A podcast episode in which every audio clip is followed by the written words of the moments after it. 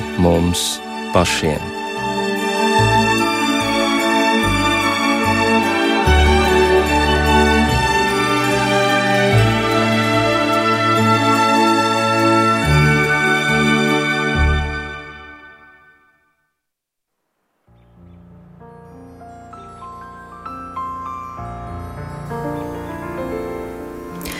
Esiet sveicināti raidījumā pāri mums pašiem, lai ir slavēts Jēzus Kristus.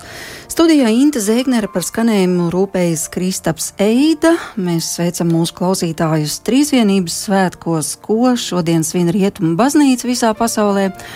Un šovakar mēs nolēmām raidījumu veltīt jautājumiem par dvēseli, kur tā atrodas, ko tā jūt, kādi ir tās eksistences posmi, un noteikti vēl daudziem citiem jautājumiem, tā skaitā tiem, ko ceram sagaidīt no jums pēc pusvienpadsmitiem, pa tālruni 67, 22, 55, 99. Bet pie otra tāruņa šovakar mūsu viesis ir priesteris Ilmārs Tolstovs, kurš kalpo Salaspils draudzē. Labvakar, Ilmār, vai eh, tu mūs dzirdi? Jā, labvakar. Sveicienu visiem. Jā, ļoti laba dzirdamība ir, un tad arī sāksim ar šo pamatu jautājumu. Kā tu raksturotu, kas tad īsti ir cilvēka dvēsele?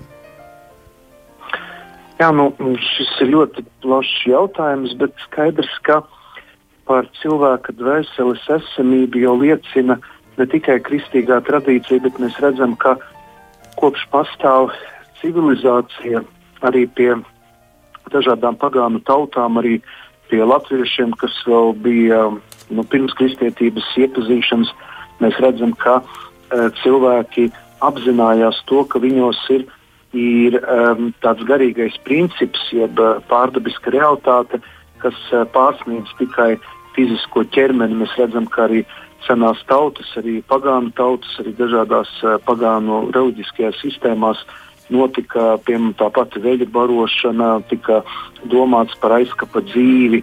Um, nu, da, ļoti dažādi tur, piemēram, tāda disciplīna, kas ir reliģioloģija, dažādu reliģiju pētnieci, viņi tomēr skaidri apzinās un redz to, ka um, cilvēks no pašiem pašiem savas saka, pirmsākumiem, no civilizācijas pirmsākumiem apzinājies, ka um, viņš nav tikai miesa, nav tikai ķermenis, bet viņai ir šis pārdabiskais elements dvēseli. Un mēs redzam arī pie dažādām, dažādām citām reliģijām ir šī apziņa, bet, protams, ka kristīgā ticība to, to parāda daudz īpašāk un daudz precīzāk, jo skaidrs, ka mēs redzam to, ka mūsu galvenais uzdevums ir rūpēties par savu nemirstīgo dvēseli, un mēs arī ticam, ka cilvēks dzīvojot jau šeit uz zemes, tātad var teikt, ka sastāv ja drīkst lietot tādu vārdu, sastāv no dvēseles un miesas.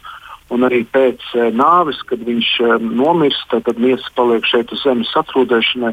Un e, šī dvēsele, šis garīgais princips cilvēkā turpina dzīvi šajā pēcnāves dzīvē, jeb dzīvē pēc, pēc aiziešanas.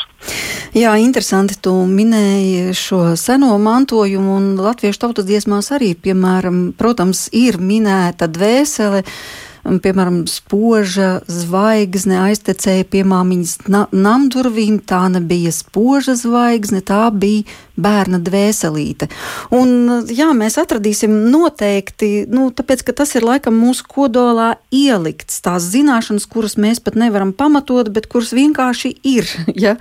Bet, nu, tomēr, ja, piemēram, mēs kaut vai atveram elementāri Wikipēdiju, ko nu, bieži cilvēki arī ver vaļā, ir rakstīts, ka dvēselē, filozofijas virzienos un daudzās reliģiju mācībās ir nemateriāls esamības kodols, kam ir raksturīga spēja just, domāt, sevi apzināties un kas nosaka mūsu garīgo dzīvi. Vai tu varētu šādam raksturojumam piekrist? Jā, protams, ka e, nu, joprojām Eh, daž, nu, tas ir tāds, tā, tā definīcija, eh, termins, kas ir vispārējais, lai raksturotu šo dažādu reliģiju uzskatu par dvēseli. Eh, protams, ka mēs zinām to, ka ir um, atšķirīgi šie uzskati un ir dažādas arī definīcijas, dažādi šie tādi skatījumi. Bet, protams, ka uh, cilvēks jau arī tas, kurš nav ticīgs vai tas, kurš nav saistīts pat ar reliģiju. Viņš apjauš piemēram to, ka viņš paliek ar katru gadu vecāks, viņa noveco viņa ķermenis, atmiņa paliek sliktāka, uh, viņš um, daudzas lietas zaudē gadiem ejot, bet tomēr ir tā apziņa, ka tas mans iekšējais es, tas manas esamības kodols, viņš paliek nemainīgs. Un tas arī daudziem filozofiem uh, daudziem filozofiem, domātājiem lika par šo jautājumu domāt. Tāpēc nu, jautājums par dvēseli to risināja ne tikai pat reliģijas, bet arī daudzas filozofijas, arī senā grieķu antīkā filozofija un tā tālāk. Tā joprojām tā kā jautājums par dvēseli, par cilvēka iekšējo garīgo kodolu. Šis jautājums ir nodarbinājis daudzu filozofu un domātāju prātus gan senatnē, gan arī mūsdienās. Jā, bet kā tad ir, ja mēs paskatāmies uz Bībeli, vecajā, jaunajā derībā, tur ļoti dažādos kontekstos ir minēts šis vārds. Nu, piemēram, Mūzus grāmatā ir teikts, ka Ābrams ņēma sāraju savu sievu un brāļa dēlu Latu visu mantību ko tie bija ieguvuši, un tālāk sekot uh, teksts, un visas dvēseles, kādas tie Hāranā bija iemantojuši. Nu, skaidrs, ka ir runa par cilvēkiem. Un šādā kontekstā diezgan bieži ir Bībelē atrodams šis vārds dvēsele. Tik un tik dvēseļu izgāja no tādas un tādas vietas, tik un tik dvēseles. Jā, vecajā derībā netika stingri nodalīts um, miesas un dvēseles jēdziens, kā tas notika kristīgai ticībai. Jo jāsaprot to, ka arī um, kristietībā ir klātesoša, nu, es nevaru tieši teikt, eh, platonismu ietekme, jeb arī senās Grieķijas filozofijas ietekme. Kaut jāsaprot to, ka apustulis Pāvils, kurš daudz rakstīja vēstules, viņš bija iepazinies ar šo filozofiju un vecajā derībā eh, cilvēks tika aplūkots kā vienots veselums un bieži vien, piemēram, piemēram, sirds bibliskā nozīmē izsaka būtības dziļumus, Jeremija grāmatā 31, 33. Vai arī uh, vecajā derībā netika tā nodalīts, ja vecajā derībā runāja, ka cilvēka dvēsele ir visā ķermenī, tā tad netika sadalīts. Un, un mēs jau arī patiesībā kā kristieši, ja mēs pat definējam, ka cilvēks, ja tā var teikt, sastāv uh, no dvēseles un miesas, tomēr, tomēr mēs nenodalām šīs abas dimensijas, un, un dvēsele un miesa ir tik cieši vienotas, ka dvēseli jāuzskata par miesas formu, saka arī Katoliskās baznīcas katehisms. Tā kā var teikt, ka jā, no vecās derības izpratne bieži vien šos terminus neteiksim jauca, bet ja runāja par dvēselēm, tad teica nu, tik un tik dvēseles. Bet tas nozīmē, ka viss cilvēks kopumā viņa dvēsele un miesa. Bet, protams, šie izteiksmes līdzekļi, šīs formas vecajā derībā bija daudzos gadījumos tādas neteiksim, izplūdušas, bet uh, netik skaidri nodalītas vai definētas, kādas, piemēram, jaunajā derībā. Jā, bet interesanti, ja, piemēram, palasām psalmos, tur ir kaut vai Dievs, mans Dievs, tu esi, es meklēju tevi no agra rīta, pēc tevis slāpst mana dvēsele, kā izkaltusi sausa zeme bez ūdens nu tad tomēr tās ir dvēseliskas slāpes. Tas ir kaut kas dziļāk par kaut kādām ķermeniskām vajadzībām. Taču jau.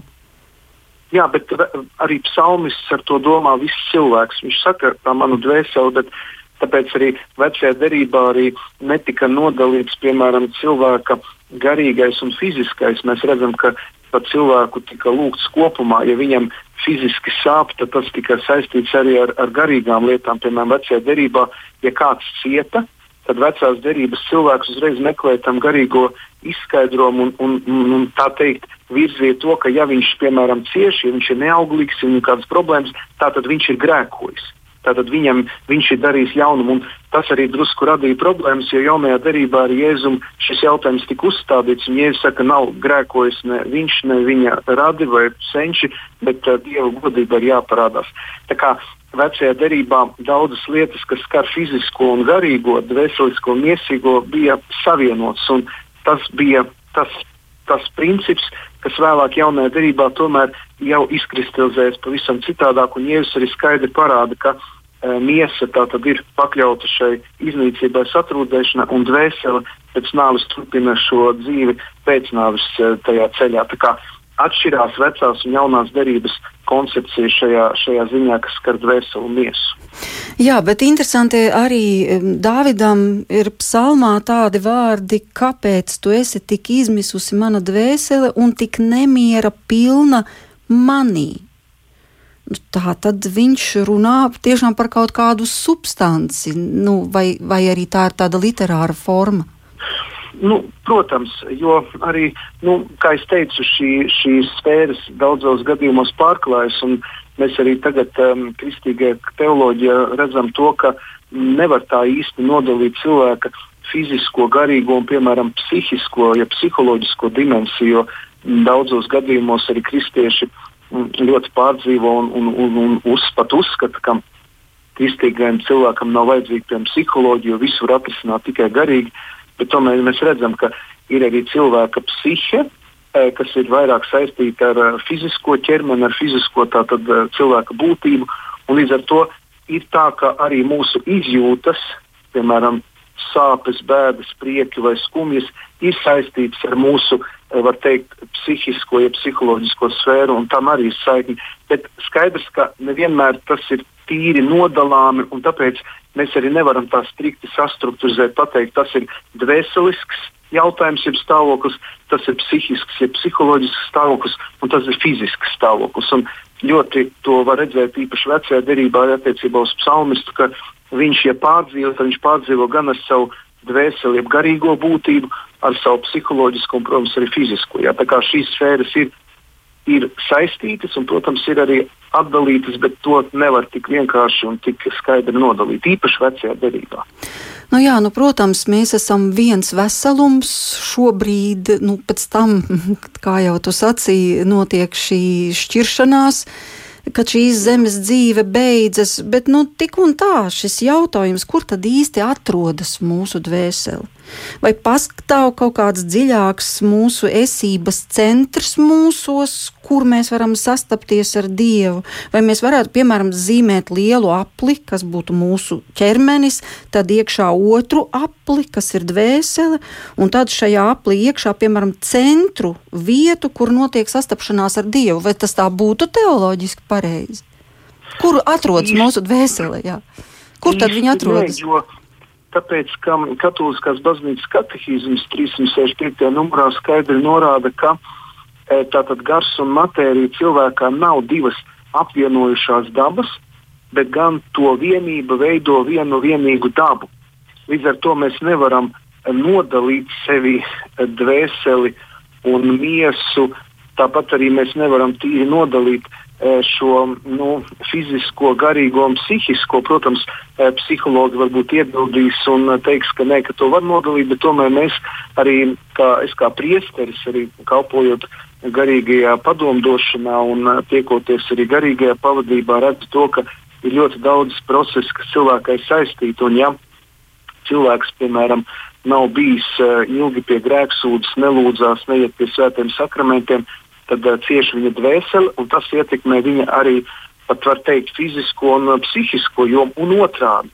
Līdz ar to, jā, mēs varam kaut kādā veidā izmantojot kaut kādus vai nu teoloģiskos principus saistībā uz garīgām lietām, uz dvēseliskām, uz tādām tīriem saistībā ar mūžīgo dzīvi, perspektīvu šo jomu, bet, bet tā mēs nevaram tik smalki preprēt un pateikt, lūk, tur cilvēkā ir dvēsele, tur ir miesa, jo dvēsele un miesa, kā šeit teikts, nav divas apvienojušās dabas, bet gan to vienību veido vienu vienīgu dabu. Tātad jā. cilvēks ir dvēseles un miesas vienība. Nu, šobrīd jā, bet vai ir kaut kas, piemēram, zināms, aprakstīts, konstatēts, kā tad aiziet dvēseli?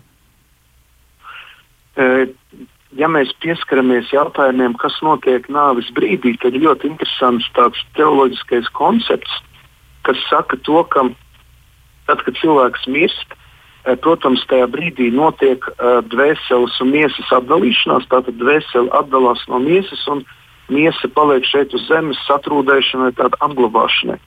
Bet um, ir skaidrs, ka pārdabiskajā pasaulē ir pavisam citi laika atskaites punkti, mēr, mērvienības. Un ir tāds arī uzskats, ka tad, kad cilvēks aiziet mūžībā, viņš piedzīvo tādu dimensiju, kurā vairs nepastāv ne laiks, ne telpa, jeb, jeb tā dimensija, kas pārsniedz laika un telpas izpratni. Un līdz ar to uh, var jau būt, mēs to skaidri nezinām, bet tā teoloģija domā, ka visdrīzāk, kad cilvēks nomirst, tad jau viņš jau piedzīvo savu personisko pasaules galu, ja tā, tā var teikt, aizstēdzis priekšā laikam, un Dievs jau viņam uzreiz dod šo pārdabisko, pārveidoto miesu, kas mums visiem ir apsolīta pasaules beigās, kad Jēzus nāks otrais šeit uz zemes un piecels visus mirušos jaunai dzīvei. Līdz ar to nevaram domāt, ka debesīs dvēsele klaiņo, ja dzīvojas bez miesas, jo dvēsele tik ļoti ilgojas pēc miesas, ka pēc nāves Dievs eh, cilvēkam dod atjaunotu, pārveidotu miesu. Miesu, kas vairs nav pakļauta sāpēm, slimībām, iznīcībai. Ja?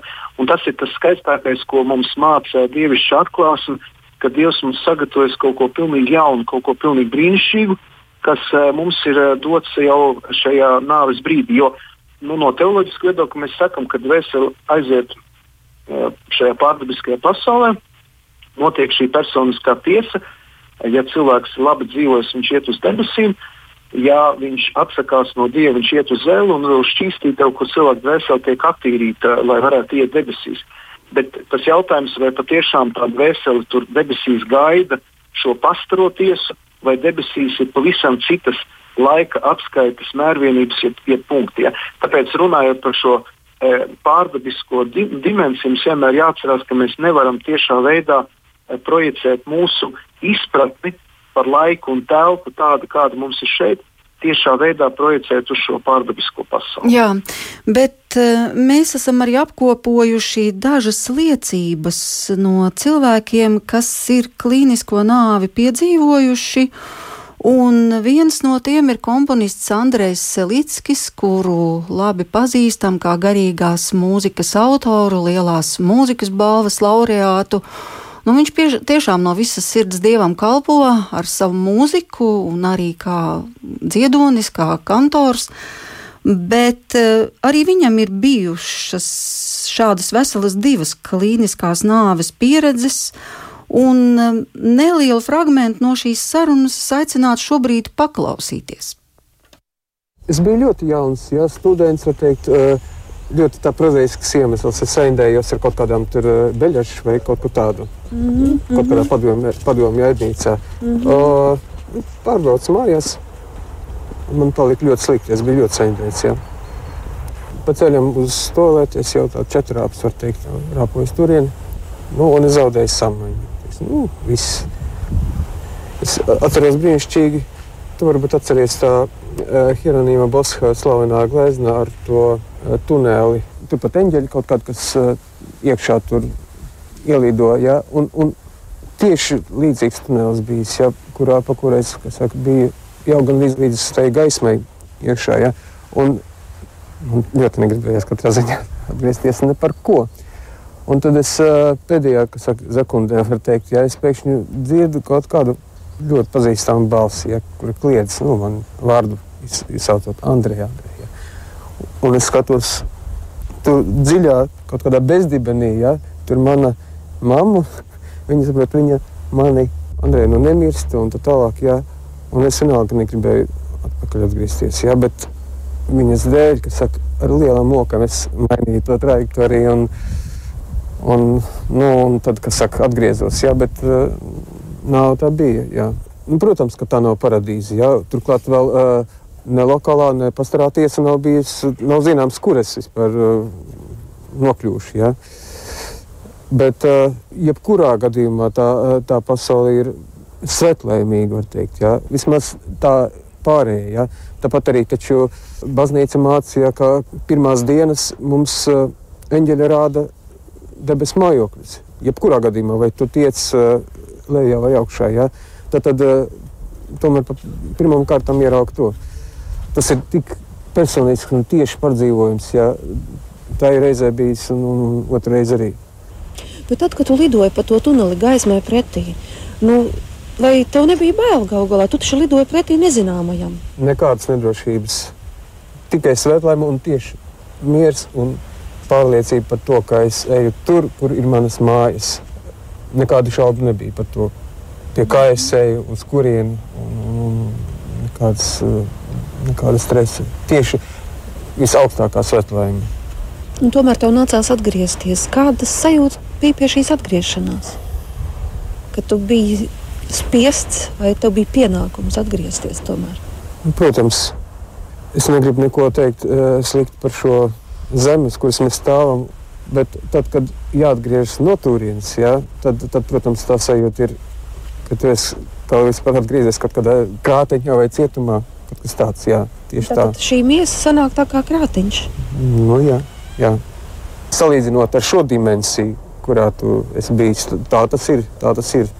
Es ļoti biju nelaimīgs ilgu laiku pēc tam, nu, abām tam reizēm, ja, kad šeit jau atkal jāadaptējas, jāpielāgojas, kas saka, dzīvot no jauna. Un, bet nu, cilvēks pie vispār pierod.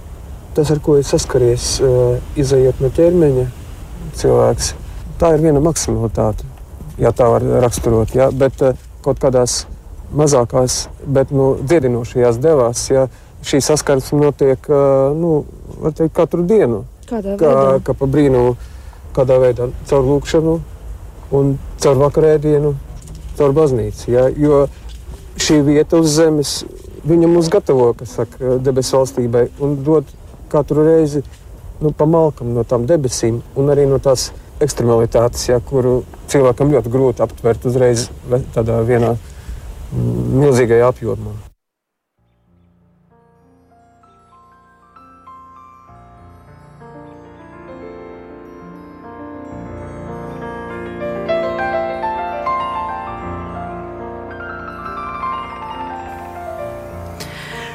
Mēs tikko dzirdējām komponista Andreja Selicka liecību par šo savu pieredzi.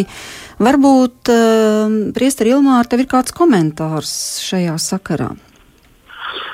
Jā, nu, uh, daudz ir cilvēki, kas ir piedzīvojuši klīniskās nāves fenomenu. Un man savā laikā studējot Ljubljanas Katoļu universitātē saistībā ar manu uh, teoloģisko specialitāti, fundamentālu teoloģiju, apoloģētiku jau doktorantūras laikā. Tagad mēs uh, mācījāmies tādu priekšmetu, ko sauc par tanatoloģiju. Uh, tas tanatus no grieķu valodas nozīmē nāve, un tas ir tāda apraksti par cilvēka aiziešanu un par visiem šiem fenomeniem. Un te ir, protams, eh, skaidrs, ka tā ir privāta, personīga cilvēku pieredze. Un uh, daudz, daudz lietas, kas saistītas ar šo pieredzi, saistītas arī cilvēka psihi, protams, viņa pārdzīvojumu. Ir ļoti pārsteidzoši, ka šie cilvēku stāstījumi, kuri bijuši klīniskajās nāvēs, ir samērā līdzīgi. Šis tunelis, gaisma, svētlaimes sajūta, um, pat nevēlēšanās atgriezties fiziskajā ķermenī, dažādi pārdeviski elementi, bet tomēr šīs pieredzes ir ļoti subjektīvas un viņas nu, nevar kaut kādā veidā pielikt klāt uh, tām patiesībām, kuras mums atklāja dievišķā atklāsme. Protams, ka uh, tas, ko šie cilvēki stāsta, ir pārsteidzoši, un tas, ka viņi pēc tam atgriežoties ļoti pastiprināti pievēršas garīgai pasaulē, dvēseles kopšanai, rūpēm par garīgo dzīvi, tas vien uh, liecina par to, ka uh, cilvēks piedzīvojis kaut ko tādu, kas pārsniedz viņa ķermenisko, miesīgo pieredzi, un var teikt, viņi ved dziļāk tajās garīgajās, garīgajās lietās, garīgajās vērtībās. Un mēs redzam to, ka jau gadsimtu gaitā ir bijuši dažādi arī kristīgajā ticībā, kur piemēram ir bijuši periodi, kad arī baznīcā, arī teoloģijā un kristīgā izpratnē, piemēram, miesa tika pārlieku nicināta un tika uzsvērts, ka dvēsele ir tikai vienīgi dvēsele ir svarīga. Un ir atkal mūsdienas, kur atkal ir ļoti liels miesas kults, ir tāds hedonisms, jeb izdabāšana baudai, ērtībām, nu, dvēseles vajadzības tiek pastumtas malā. Un tāpēc varbūt šādas klīniskās nāves pieredzes ir atgādinājums mums par to, ka cilvēks nav tikai miesa, kad ir jārūpējas par savu nemirstīgo dvēseli, jārūpējas par šo garīgo kodolu, garīgo būtību mūsos. Un, un tā ir tāda, nu, protams, ir, tā ir individuāla, personīga šo cilvēku liecība, kura, jā, kura satur šos subjektīvos elementus, bet no otras puses tas ir atgādinājums mums, ka eksistē kāda pārdabiska dimensija, kuru mēs nevaram līdz galam izskaidrot, kura pārsniedz mūsu mm, spējas saprast un visu racionalizēt un varbūt zinātniski pamatot. Un tāpēc nu, jā, šāda cilvēku pieredze ļoti īpaša.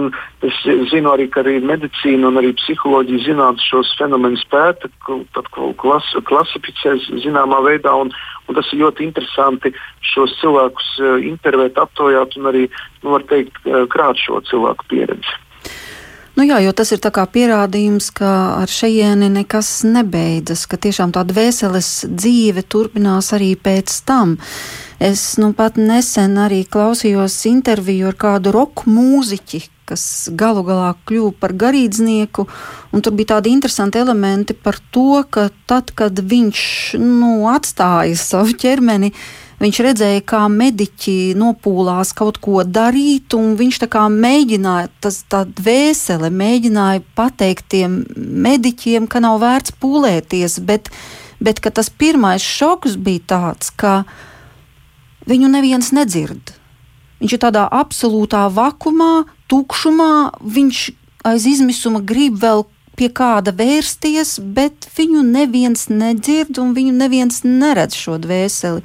Nu, tad sākās tas ceļojums, un diemžēl labā vietā viņš nenokļuva, un tas, ko piedzīvoja, tas bija augstums, izmisums un nenormāla vientulība, kādu nekad mūžā viņš šeit virs zemes nebija piedzīvojis. Tik nenormāla vientulība, ka tā viņš saprata, ka tā ir tā atšķirība no, no dieva. Nu, un tad, kad atgriezās, tad jau sākās cits šīs dzīves posms.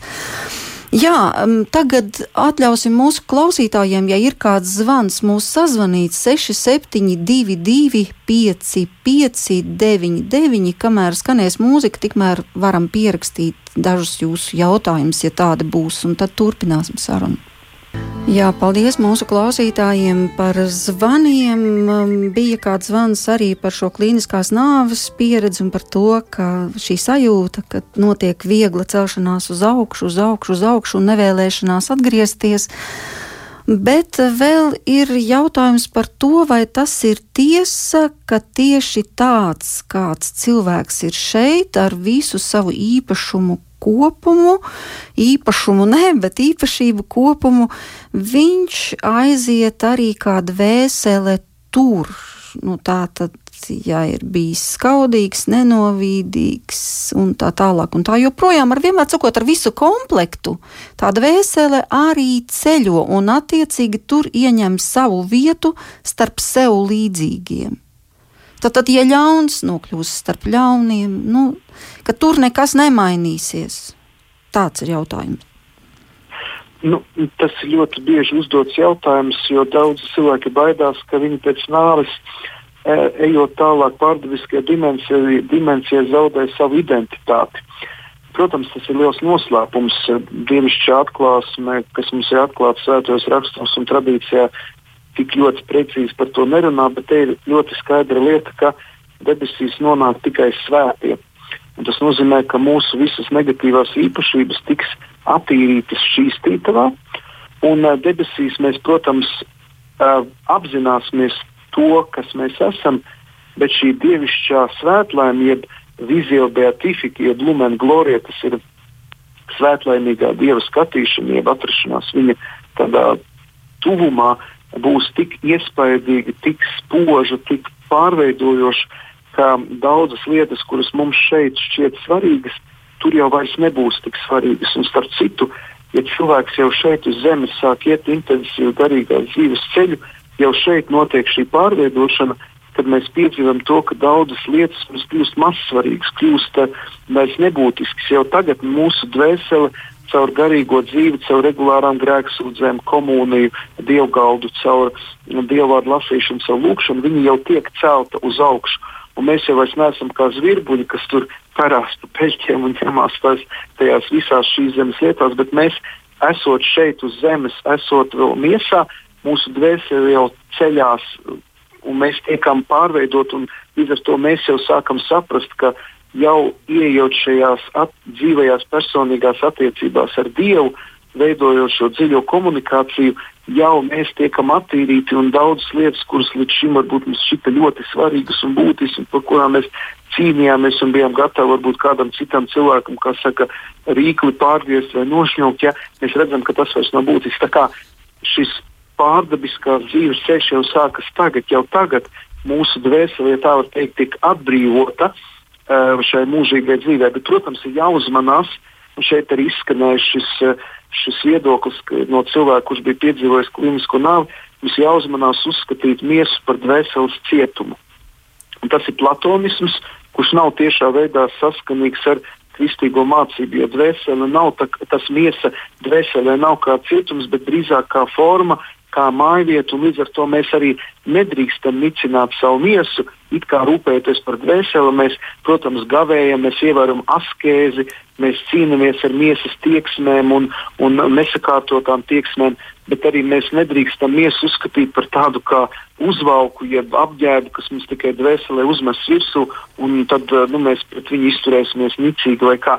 Tā kā šeit ir ļoti svarīgs šis līdzsvarotais skatījums un kopā ar ar Jēzu, kas ir dziļās personīgās attiecībās, mēs ceļam savu dvēseli tuvāk Dievam, bet arī miesa netiek panicināta un netiek saka, nu, no, nolikta malā, no, novārtā. Arī viņa, par viņu mēs rūpējamies un atzīstam, ka viņa ir brīnišķīga mūsu dvēseles forma, ka Dievs mums ir brīnišķīgus radījis, skaistus radījis un ka mēs esam īpaši jau tagad Dieva plānā un tiekam gatavoti šai mūžīgai dzīvei debesu valstībā. Nu, acīm redzot, svarīgi ir saprast arī, kāpēc baznīca jebkurā no konfesijām absolūti kategoriski izturas, negatīvi izturas pret um, pašnāvības mēģinājumiem. Nu, no vienas puses, varētu domāt, cilvēks vienkārši vēlas atbrīvoties no balasta, viņam tas ir apnicis, bet no otras puses, tur tas ir tik strikti, ka vispār pareizticībā pat nelūdz par cilvēkiem, kuri ir izdarījuši pašnāvību. Kur ir tā bīstamība? Jā, un ar citu šis arguments izskanēja arī jautājumā par eitanāzijas tā saucamo legalizāciju, kuras, kur šī jautājuma risināšanā es piedalījos pirms uh, vairākiem nedēļām vai mēnešiem. Neatceros vairs teikt, ka pacēlās šis jautājums arī izskanēja. Nu, kā kristieši taču vēlas nonākt uh, uzreiz debesīs, kāpēc viņi liek šķēršus cilvēkam, kā saka, aiziet no šīs dzīves. Bet te jau ir tā lieta, ka nav jau tā, ka mēs eh, šeit uz zemes nedzīvojam. Mēs jau arī š, jau šeit dzīvojam debesu valstībā. Debesu valstība sāk šeit uz zemes. Un, um, katram ir noteikts laiks, cik ilgi dvēselē ir jābūt vienotai ar miesu šīs zemes laikā. Un tāpēc arī pat ja miesa izskatās pilnīgi jau nu, kas saka, e, novecojis vai slimību pārņemt. Varbūt liekas, ka cilvēks ir nedziedināms slims un vajadzētu viņu atbrīvot, mākslīgi viņa dvēseli atbrīvot no šīs nāvei un iznīcībai pakļautās miesas. Bet mēs zinām, ka Dievam ir noteikts plāns attiecībā uz katru cilvēku, un arī katram cilvēkam ir jāiziet šim, šim procesam cauri. Tikai Dievs ir tas, kurš iepūš cilvēka miesā nemirstīgu dvēseli Un te arī jāsaka, ka mēs arī ļoti aizstāvam nedzimuša bērna tiesības, jo baznīca māca, un to arī saka kristīga atklāsme, ka cilvēks jau kā dvēseles un miesas vienotība jau tiek radīts ieņemšanas brīdī, jau mātes miesās. Tad, kad viņš tiek ieņemts no apaugļošanas brīža, jau tad ir cilvēks ar dvēseli un miesu. Un Dievs iepūš šo dvēseli, šo dievišķo dvašu cilvēkā, un arī viņš ir tikai tas, kurš var uh, paņem šo dvēseli pie sevis. Mēs nedrīkstam e, iejaukties šajā dievišķajā procesā. Mēs varam, protams, e, ar medicīnu palīdzēt cilvēkam viņa ciešanas mierināt, mēs varam saka, atbalstīt cilvēku, bet mums nav dota atļauja pašiem brīvprātīgi atņemt sev dzīvību, jo mēs šo dzīvību nesam arī sev devuši. Mēs neesam savas dzīves saimnieki. Dievs ir tas, kas mums deva dzīvību, un Dievs arī tas, kurš šo dzīvību var atņemt. Mēs esam tikai, ja tā var teikt, nu, Dieva rīki, Dieva instrumenti. Mēs esam atkarīgi no Viņa, jo Viņš mūs ir radījis, Viņš ir mūsu tēvs, no Viņa mēs nākam un pie Viņa arī atgriežamies. Jā, bet vai tādā gadījumā varētu uzskatīt, ka tās grūtības, kurām iet, nu, vienalga dažādos vecuma posmos cauri cilvēks, un jo īpaši vecumdienās, ka tā arī ir tā kā dvēseles šķīstīšanās? Ka, nu, jā, šī miesas dzīve, šīs grūtības, ciešanas un, un viss pārējais, ka, ka tu, vai to var uzskatīt par dvēseles šķīstīšanos, jau esot šeit virs zemes? Protams, uh, protams, ka man pašam ir ļoti daudz jautājumu, jo es arī Dievam, kad nonākšu tiešā veidā viņa priekšā, es arī viņam uzdošu šo jautājumu, kāpēc tieši tā, kā ar mani notika. Jo tas, ka Dievs man dāvāja tieši tādu ķermeni, nu, manai dvēselē šo formu, šo miesu tieši tādu, piemēram, kāpēc es esmu vīrietis un neesmu sieviete. Mēs, piemēram, tagad arī ļoti daudz saistībā ar šo genderu, jeb dzimuma, dzimt, dzimtes konstruktu ideoloģiju, ļoti daudz tiek runāts arī par šīm, par to, kā cilvēks jūtās, ka viņš ir ieslodzīts, pirms sieviete ir ieslodzīta vīriešu ķermenī un vīrietis sievietes ķermenī. Jā, nu, tagad ļoti daudz par to runā, bet tas jau nav tik ļoti, to nevar tik ļoti trivializēt, jo tas, ka mēs esam konkrēts dzimums, kad mēs esam dzimuši konkrētā laikmetā, konkrētā laikā, tā jau nav nejaušība. Tas jau nenotiek tāpat vien. Dievam ir kaut kāds plāns, un, protams, ka ir cilvēki, kuri cieš attiecībā uz savu miesu, ka viņi nespēja pieņemt savu identitāti, viņi nespēja pieņemt savu vai dzimumu, vai nespēja pieņemt savu izskatu, ja, vai nespēja pieņemt savu dzīves vēsturi. Tā ir, tās ir lielas traģēdijas, bet no otras puses mēs varam arī par to lūgt, un mēs varam lūgt, lai Dievs arī dziedina, pieskarās. Ir jau tādi cilvēki, kuri jūtas uh, savā miesā kā cietumā ieslēgti savā miesā kā cietumā un gaida gandrīz šo atbrīvošanu. Tāpēc arī pašnāvību fenomens, jeb tas, kāpēc cilvēks izdara pašnāvību, tas ir ļoti komplekss e, jautājums. Tur, protams, ir arī psiholoģija, tur ir arī daudzas traumas, dažādas traģēdijas, arī vēl kaut kas cits. Ja? Bet es domāju, ka tas ir tas, ka nu, ne jau visi cilvēki spēj pieņemt, akceptēt savu ķermeni, savu miesu un bieži vien cieši no tā, no šīs sadalītības. Es domāju, ka tur, tur ļoti plašs jautājumu lokus, kas tur atrodas. Nu jā, bet kas attiecās uz pašnāvībām, tad to taču arī garīdznieki saka. Ka vistrakākā problēma ir vienkārši tā, ka kāpēc, kāpēc tad nelūdz vairs par šiem cilvēkiem, kāpēc ir tāda strikta attieksme, nu vienkārši tāpēc, ka Tas ir grēks, kurā cilvēks vairs nespēja palūgt atdošanu, jo jebkuru citu grēku ir iespējams nožēlot, kamēr mēs šajā ķermenī esam lūgt atdošanu, un tas tiek piedots. Bet, ja cilvēks atņem sev dzīvību, viņš vairs savā miesā atgriezties nevar un nevar šeit virs zemes vēl esot šo atdošanu lūgt. Nu, viņš ir aizslēdzis pats sev tās durvis, tāpēc jau laikam tā jā, bīstamība. Jā bet eh, katoļu baznīca pēdējās desmitgadēs lūdzas par pašnāvniekiem un izvada, izvada šos pašnāvniekus arī kristīgo ceremoniju ar, ar ritu. Tāpēc, ka mēs nevaram pilnībā izskaidrot, kāpēc cilvēks izdarīja šo pašnāvību. Arī Katoliskās baznīcas katehisms saka, ka mēs nu, mēs, mēs, ja, mēs, ja, protams, ja cilvēks ir bijis pilnīgi vesels un apzināti izdarījis pašnāvību, atstājot vēstuli, sakot, jā, ka viņš vēlas padarīt galu, piemēram, kaut kādu ideoloģisku iemeslu dēļ, tad skaidrs, protams, mēs, mēs atsakām izvadīšanu, lūkšanu, bet ļoti daudzos gadījumos cilvēks ir izdarījis pašnāvību afekta stāvoklī, uh, psihisku problēmu rezultātā, un līdz ar to viņa vaina ir samazināta. Līdz ar to ne mēs esam tie, kas tiesājam, mēs uh, lūdzam Dieva žēlsirdību un apzināmies, ka Dievs ir žēlsirdīgs, bet, protams, Dievs pats ir tas, kurš iztiesās un izvērtēs, vai šis cilvēks ir cienīgs, izdarot šo darbību, iet debesu valstībā vai nē. Bet uh, mēs tieši no katoļu baznīcas pozīcijām tātad šobrīd neatsakam izvadīšanu, lūkšanu arī par cilvēkiem, kas izdarījuši pašnāvību, jo lielākoties šis cilvēks ir bijis tādā stāvoklī, ka viņa morāliskā atbildība par šo darbību ir ļoti, ļoti minimāla vai pat pilnīgi nav. Ja? Nu, mēs to nevaram analizēt, tāpēc šobrīd baznīca um, beidz šo žālsirdības darbu un tomēr cenšas lūgties par šiem cilvēkiem no izvadītības. Nu jā, bet baznīca taču droši vien saka arī to, ka visam ir garīgs pirmsākums. Un arī šie ceļi, kas ved nu, tādā bezizējā, tie jau arī nu, garīgi spēki ietekmē cilvēku. Tiklīdz kā viņš nonāk pasaulē, taču ir gan ļaunais gars, gan svētais gars, un tā nemitīgā cīņa jau notiek. Tad jau arī šo Protams. aspektu nedrīkst izslēgt, droši vien, vai ne?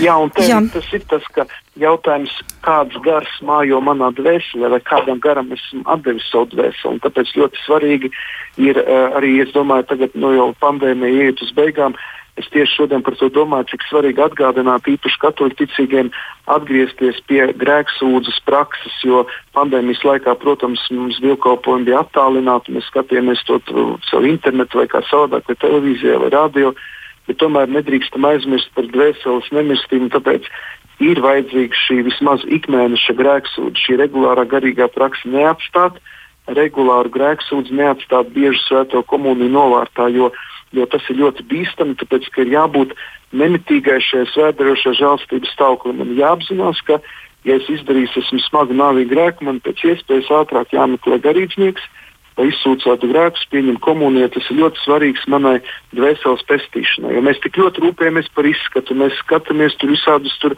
raidījumus un visādi influenceri, un kas tik tagad tie jaunieši pilnīgi traki palikuši. Ja? Kā tikai sakrāsoties un visu, lai būtu skaisti, lai tikai miesa vai ķermenis būtu, būtu izcils. Ja? Bet par dvēseli, kas parūpēsies par dvēseli? Tā kā mēs dzīvojam tādā laikmetā, kur diemžēl valda šis hedonisms, šis miesas kults, un dažreiz dvēseles vajadzības un lietas tiek atstātas pilnīgi novārtā. Bet mums svarīgi neaizmirst par mūsu dvēseles uh, vajadzībām, par viņas glābšanu. Jā, vai jūs varat piekrist tam, ka dvēseles eksistence var sadalīt trijos posmos? Uh, šeit virs zemes, tātad kopā ar šo laicīgo ķermeni, kur jāpārvar grūtības, ciešanas, jācīnās ar apstākļiem. Nu, vienmēr sakot, nu, nav nekāda paradīze, bet vairāk cīņa nekā paradīze. Un tad ir otrais, kad dvēsele gaida nu, savu īsto vietu, kas jau ir pēc pēdējās tiesas, kad sākās mūžīgā dzīve kopā ar Dievu. Nu, kaut kā tā. Ne, nu, katoļu teoloģija ļoti skaidri šos jautājumus ir izkristalizējusi. Protams, ka mēs um, tātad, uh, atzīstam to, ka pēc nāves ir iespēja cilvēkam iet uz debesīm vai uz elli, bet uh, ir tās dvēseles, kuras nav pilnīgi kategoriski noliegušas Dievu, un līdz ar to viņām ir iespēja vēl iziet šo šķīstīšanas procesu. Bet, uh, tā nav kāda konkrēta vieta, bet tas drīzāk ir dvēseles stāvoklis. Līdz ar to ir divas eh, jomas, jeb divi virzieni, kur dvēsele pēc nāves dodas. Tās ir debesis, lai mm, atrastos eh, tātad dieva tūmā un eh, ietu šajā svētlaimīgajā dieva skatīšanā, šajā vīzija beatifika, un, protams, ir elle, kas arī reāli pastāv un kur var aiziet dvēseli tā, kas apzināti un kategoriski noraida dievu, viņa mīlestību un žēlsirdību. Un šis, šī šķīstītava nav kā trešais tauks, bet tas ir ceļš uz debesīm, Eh, kurš eh, cilvēkam ir nepieciešams, jo debesīs var nokļūt tikai svētas dvēseles, tikai tās, kas ir attīrītas. Līdz ar to, protams, ka šķīstīta var būt šeit arī uz zemes, bet to jau Dievs eh, gādā, un mēs, katoļi un arī pareizcīgo tradīcijā, lūdzamies tāpēc par mirušajiem, lai palīdzētu viņiem no šīs šķīstītavas stāvokļa pēc iespējas ātrāk iet debesu valstībā. Tāpēc mums ir arī svētās misijas aizlūgumi, tāpēc mums ir arī kapu svētki, mirušo piemiņas diena. Mēs ļoti īpaši lūdzamies par mirušām dvēselēm, par aizgājumiem. Ir arī tādi fenomeni, ka mirušie mēdz parādīties vai grabināties vai klauvēt, un cilvēki bieži vien nāk un saka, pasvētiet māju. Šeit kaut kas ir nemierīgs, te kaut kādi staigā mirušie gari vai dvēseles. Nu, jūs tam ticat tiešām? Ļoti... Jā, nu, tas ir subjektīvi, jo es nevaru šo verificēt. Es nevaru pateikt, vai tas ir psiholoģisks elements, jo dažreiz cilvēkam, kad aiziet kāds tuvinieks, viņš ļoti to pārdzīvo. Var jau gadīties, ka tas ir viņa psihiskā saka, reakcija. Mēs to nevaram analizēt, bet skaidrs, ka cilvēki jūt atbildību un saņem kaut kādus signālus no tās pārdabiskās pasaules, kas viņu aicina palūkties. Un ļoti daudz cilvēki redz sapnī aizgājušos mirušos. Viņi uzreiz čakli saka, te, tek, teciņus skrien pie priestera un lūdz aizlūgt misiju. Tā ir ļoti skaista tradīcija, vismaz katoļu baznīcā. Patiešām ļoti daudz cilvēku zvana, nāk un saka, priesteri Ilmāri, mēs vēlamies, lai jūs novad, noturat, no, nosvinat svēto misiju, jo mums, man sapņos rādījās kāds mirušais tuvnieks, un man ir tāda sajūta, ka viņš atgādina, lai es neaizmirstu par viņu palūkties. Jā. Un tas ir ļoti spēcīgi un ļoti izteikti. Un, un patiesībā tā ir skaista lieta. Un, un tas nozīmē, ka šī saikne starp šo realitāti, šo pasauli, pārdabisko pasauli ļoti nu, sakot, tuva. Un tas cilvēks, kas ir ticīgs, kas lūdzās, viņš to ļoti labi izjūt. Un, un tas, ir, tas ir mūsu kalpojums, arī, ko mēs kā priesteri, svinot ikdienas svētās misijas, arī varam veikt šajā aizlūgumā par mirušajiem. Jā, nu mums ir palikusi arī vēl viena liecība. Um, nākošai reizei, acīm redzot, kādam no raidījumiem, tāpat arī tālrunis vēl turpina zvanīt, bet šobrīd vairs zvanus gan neuzklausīsim. Tas nozīmē, ka vēl pie šī temata noteikti būs jāatgriežas. Bet vēl gribēju dažus vārdus uzprasīt par Avilas Terēzes dvēseles pili un arī par vārdiem, um, ko ir sacījis apustulis Pāvils ka tas, kas ir mūsos, viņš ir teicis, tas ir lielāks nekā tas, kas ir pasaulē.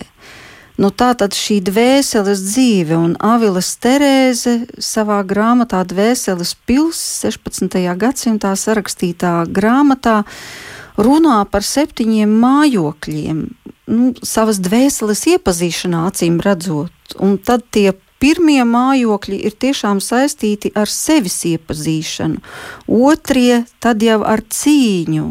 Tātad ir jācīnās vēl, lai kaut kāda garīga izaugsme būtu, un, un tā tālāk, un tā joprojām līdz septītajam mājoklim. Ko jūs šajā sakarā varētu sacīt?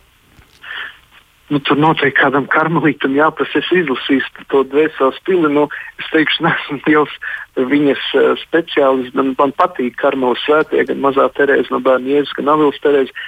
Bet ko es varu pateikt, ka ļoti būtiski arī ir meklēt garīgo vadītāju, jo dvēseles kopšanas ceļš, ar izaugsmas ceļš, viņš ļoti grūti ejams vienam pašam. Tāpēc ļoti svarīga kopiena uh, draudze, kāda kustība, vai šis arī klosteri, piemēram, ceļš Karmela vai Dominikāņu vai Franciskāņu vai Jēzuītu. Mums katoļu baznīcā ir brīnišķīgas garīgās skolas un garīgie skolotāji, rekolekcijas, retrīti, ja, šīs uh, klusuma dienas, Ignācija rekolekcijas. Ja. Tātad parūpēties, un īpaši tagad arī pandēmija beigsies un atsāksies šīs klātienes, gan rekolekcijas, uh, vismaz reizi gadā atrast laiku, aizbraukt uz kādām klusuma rekolekcijām. Es zinu arī, ka um, dažādas klostermāsas un, un arī klosterbrāļi un arī klosteri organizē šīs rekolekcijas. Tātad neatstāt savu dvēseli novārtā, un arī Avils Terēs to raksta, ka mūsu dvēseli dzīves laikā iet cauri dažādiem procesiem, dažādiem, dažādiem notikumiem. Ir svarīgi, lai ir kāds garīgais vadītājs, kāds pieredzējis vai garīdznieks, vai arī lais, jeb katolis ir arī tādi vadītāji, kas nav tikai garīdznieki, eh, kas var palīdzēt pavadīt mūsu šajā ceļā. Tas ir ļoti, ļoti svarīgi. Bet jūs piekrītat, ka ir problēma tā, ka mēs īstenībā nepazīstam savu dvēseli. Nu, mēs īsti sevi varbūt nepazīstam, nezinām, uz ko esam spējīgi, arī nu, tā tā virspusēji sevi pazīstam, vai tā varētu būt. Un ka caur šiem retrītiem Mēs... iespēja ir daudz dziļāk ielūkoties tajā būtībā. Tā varētu sacīt. Es, es domāju, ka mēs dzīvojam ilūzijās par sevi. Gan pozitīvās, gan negatīvās. Mēs mēdzam arī sevi mazvērtēt. Es domāju, ka mēs tiešām dzīvojam tādā nu, tādā, jā, tādā iluzorā pasaulē, un, šīs, un šī garīgā vadība, šis skats no malas palīdz mums ieraudzīt sevi citādākā gaismā, un tas veido šo izaugsmu.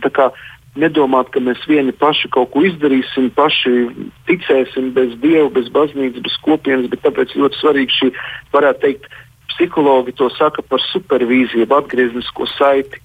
Man ir vajadzīgs kāds, kurš redz mani no malas kuram es varu uzticēties, un kurš man var, neteiksim, tas nav kā tāds guru, kaut kāds uh, hinduismu vai budismu garīgais skolotājs, kurš man pateiks, pirkt man māju vai nepirkt, pirkt mašīnu vai nepirkt, vai darīt tādu, darīju. Nē, tas nav kaut kāds coaching, tas nav kaut kāds coach, ja? bet uh, tas ir tāds, tā kā tāda atgriezniskā saite, spogulis cilvēks, kurš vienkārši, kuram es varu padalīties un kurš tā kā man var iedrošināt, iedvesmot un palīdzēt man iet tālāk, dziļāk eh, savā garīgās dzīves izaugsmē. Jā, paldies, saka priesterim Ilmāram Tostavam par šī vakara sarunu. Tā vien bija stunda pagāja ļoti ātri. Un um, Kā jau sacīju, pie šī temata mēs vēl noteikti atgriezīsimies, bet noslēdzam šo stundu ar šo dziedājumu Angel Voices Going Home. Un saku paldies par šo kopā būšanu. Šobrīd arī skaņu operatoram Kristapam Eidam un pie radio mikrofona šovakar bija Inte Zēgnere.